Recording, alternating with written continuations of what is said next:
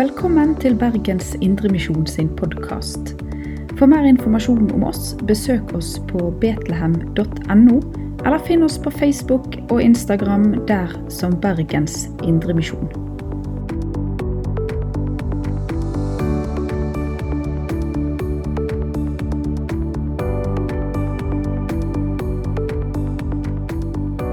Hei, alle sammen, og god, god søndag. Jeg kjenner at det er en, eh, si det er en stor oppgave å skulle stå her i dag og prøve å bidra med noe inn i, eh, inn i dette som vi får lov til å være med og være en del av i dag. Men det er også veldig kjekt å få lov til å stå her. Som har blitt sagt for de av dere som ikke vet hvem jeg er, så heter jeg Mathias Fosse. Jeg jobber her i Betlehem med de unge voksne som er her. Eh, Det betyr at denne helgen så har jeg vært på leir oppe på Valheimtunet. Vi har hatt det kjekt der sammen. Men det betyr også at klokken var ganske mye før jeg kom hjem hit i går kveld. I tillegg til det så er jeg student. Jeg studerer på NLA, eh, praktisk teologi og ledelse der. Og så skal jeg få lov til å prøve å si noen eh, velvalgte ord eh, inn i dette her. Eh, men jeg skal prøve å begrense meg, fordi jeg har skjønt at det ikke er jeg som er eh, jeg holdt på å si sentrum for eh, denne messen som vi er samlet her for. Vi har kommet til søndagen som i kirkeårets tekster heter Maria budskapsdag. Og Vi skal sammen lese fra Lukas, evangelisten Lukas fra kapittel 1. Det som kom, kommer rett før Marias lovsang, som vi fikk høre i åpningen. Fra vers 39. Der står det Noen dager senere dro Maria av sted og skyndte seg opp i fjellbygdene til den byen i Juda hvor Zakaria bodde. Der gikk hun inn til Elisabeth og hilste på henne. Da Elisabeth hørte Marias hilsen, sparket barnet i magen hennes. Hun ble fylt av Den hellige ånd og ropte høyt.: Velsignet er du blant kvinner, og velsignet er frukten i ditt mors liv. Men hvordan kan det skje at min Herres mor kommer til meg? For da lyden av din hilsen nådde øret mitt, sparket barnet i magen min av fryd, og salig er hun som trodde, for det som Herren har sagt, skal gå i oppfyllelse. Herre Jesus, vi takker deg for ditt ord. Vi takker deg for muligheten til å samles. Vi takker deg for musikken som vi får være vitne til. Og vi ber om at du skal bruke alt dette til å vitne om hvem du er, Herre Jesus. Herre Jesus, vær med meg idet jeg prøver å legge fram et budskap fra deg nå. I ditt navn. Amen. Amen. Jeg har lyst til å si litt hvor i historien vi er. Jeg har lyst til å gi litt kontekst til det vi har lest nå. Fordi jeg tror det er viktig å forstå hva som skjer rundt, for at vi skal kunne forstå hva som skjer i disse versene som vi har lest. Vi, I det vi leser nå, så ser vi to damer som møtes. Den første av de, det er Elisabeth. Elisabeth hun er gift med Zakaria. Og de sammen har ingen barn. Og ikke bare det, men de har også kommet til det punktet nå i livene sine at det er ganske usannsynlig at de skal få barn sammen. Og Karja han er prest. Han er prest i tempelet. Og i tempelet der så var en del av prestetjenesten det var å gå inn i tempelet og ofre. Ofre på vegne av folket til Gud.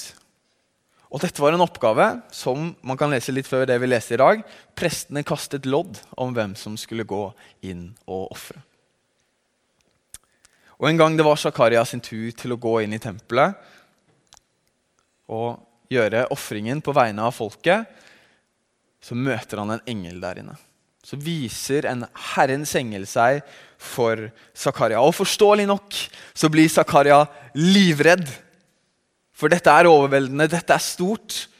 Men engelen sier, 'Ikke vær redd'. Din bønn har blitt hørt, og din kone Elisabeth skal føde en sønn. Og han skal du kalle Johannes. Og Så fortsetter engelen med å fortelle mange profetier om denne sønnen Engelen forteller at eh, han skal bli til glede for sine foreldre, naturlig nok sikkert, og for mange andre.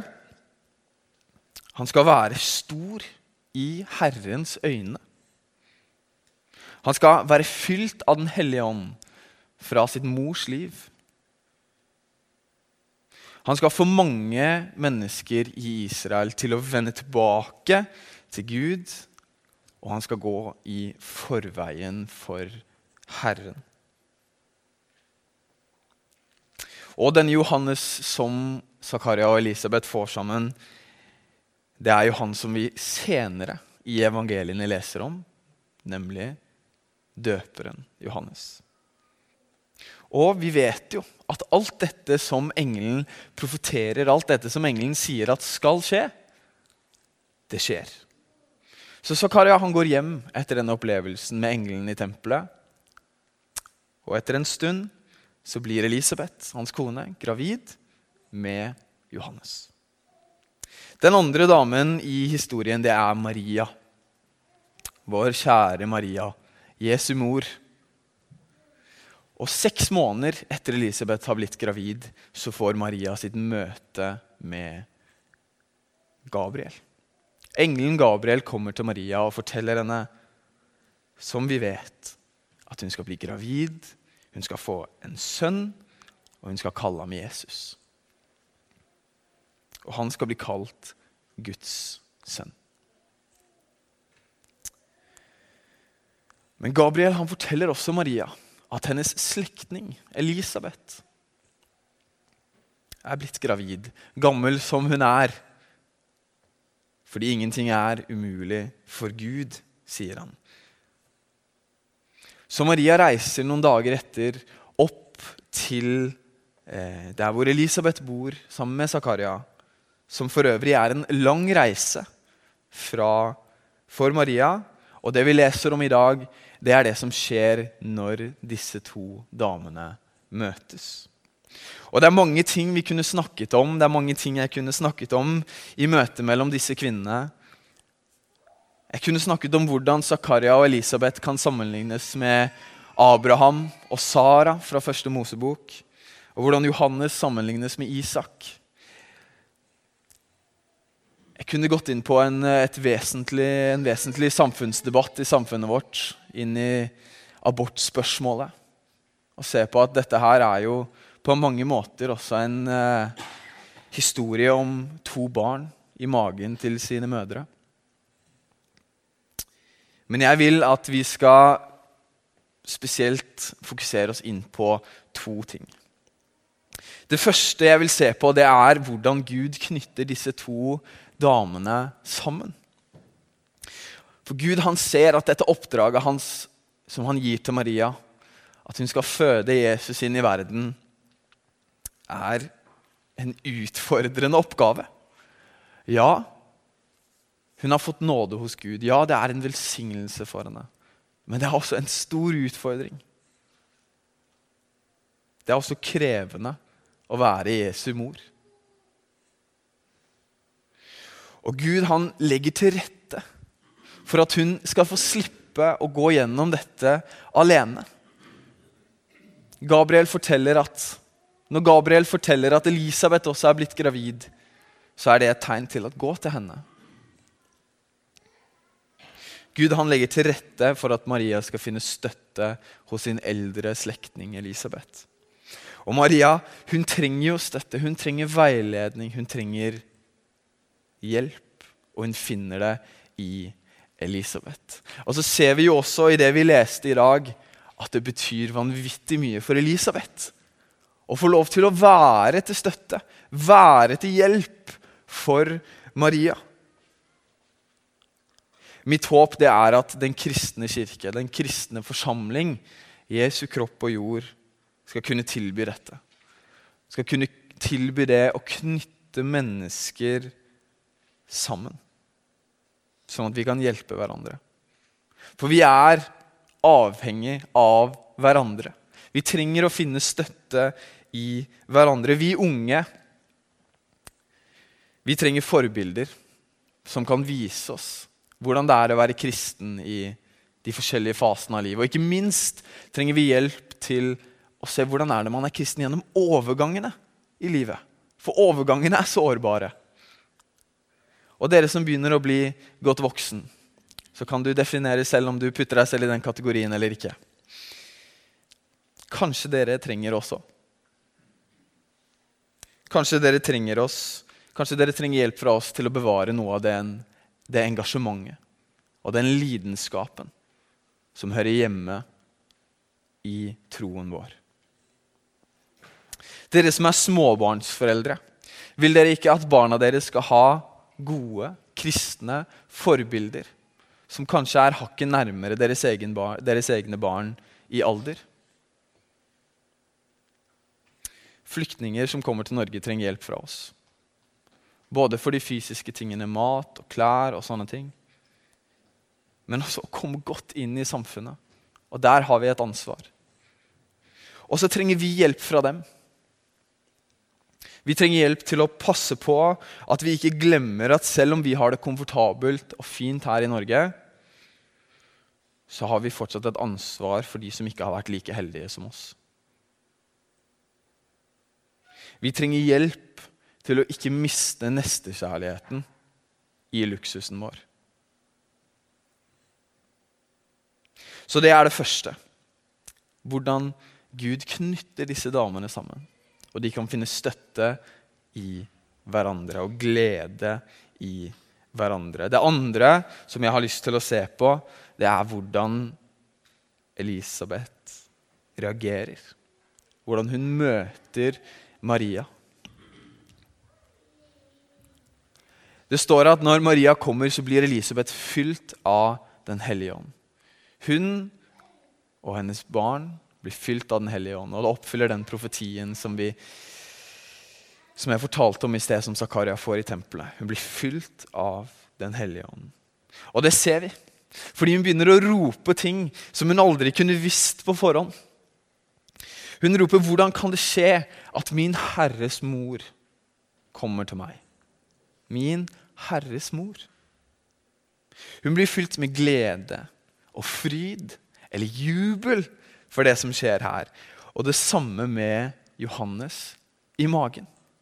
Det står at han sparker av fryd. Sparker av glede. Tenk det. Bare nærværet til Jesus i magen til Maria skaper denne reaksjonen hos de som hun møter. Hos Elisabeth og hos Johannes. Bare hans nærvær. Og Elisabeth var jøde. Så det er naturlig å tenke at hun så på Herren, at hun så på Messias som en som skulle redde hennes folk ut fra undertrykkelsen. Men det hun ikke vet, det er at Jesus sitt oppdrag det er å redde henne fra seg selv. Jesus er hennes håp på en mye sterkere måte enn det hun selv forstår. Jesus er hennes håp. Og han er også vårt håp. Her i dag. Her og nå. Og det kan vi også alltid finne glede i. Det kan vi finne fryd i. Det kan vi juble og rope for.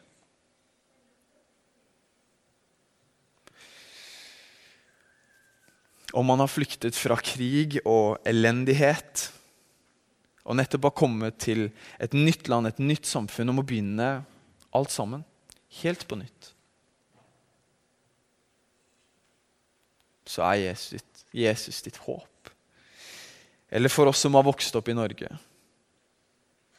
som blitt så nummen, eller nummet, av all luksusen at vi ikke engang klarer å sette oss inn i noe annen type liv, så er Jesus vårt håp. I Filipperne 4,4 så står det 'gled dere alltid i Herren'. Igjen vil jeg si 'gled dere'. Uansett hvordan livet ditt ser ut, kan du alltid finne glede i Herren, i Jesus. Fordi han, i Han så finnes det håp. Han er lyset i enden av tunnelen. Han er utsikten på toppen av fjellet. Han er premien på slutten av løpet. Han er fredagstacoen etter en lang uke. Han er ferien etter et langt semester. Eller så er han hverdagen etter en slitsom ferie. Men ikke bare det. Ikke bare det. Fordi han går også med oss. Han er med oss i den mørkeste av tunneler. Han går med oss i den dypeste dal. Han er med oss midt i løpets blodslit. Han er med oss også gjennom den tunge uken. Han går sammen med oss. Han er her. Han er sammen med deg alltid. Og uansett hvor langt du har løpt bort ifra, han, så, bort ifra han, så kan du bare snu deg, og så er han der.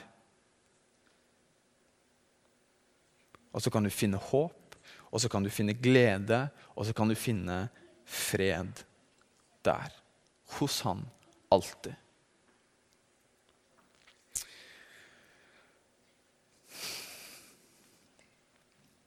Herre Jesus, takk for denne historien som vi har lest og som vi har lært ifra. Herre Jesus, vi ser hvordan du knytter disse to damene, Maria og Elisabeth, sammen på tvers av generasjoner. Herre Jesus ber om at vi skal ta dette til forbilde. Vi som din kropp her på jord skal ta dette til forbilde og tilby det samme. Ber om at du skal knytte oss sammen, at vi skal få lov til å være knyttet sammen og støtte oss på hverandre, hjelpe hverandre, være der for hverandre. Og så Jesus vil jeg takke for at du er vårt håp. Takk for at du er vårt håp, uansett hvordan livet vårt ser ut. Og takk for at uansett hvordan vi har det, uansett som sagt hvordan livet vårt ser ut, så kan vi komme til deg for håp og glede og fred, og ber om at vi skal gjøre det. Ber om at vi ikke skal bli så opphengt i våre ting at vi glemmer å snu oss til deg, Jesus. Herre Jesus, jeg ber for det i ditt hellige navn. Amen. Amen. Du har lytta til Bergens Indremisjon sin podkast. For mer informasjon om oss, besøk oss på betlehem.no, eller finn oss på Facebook og Instagram der som Bergens Indremisjon.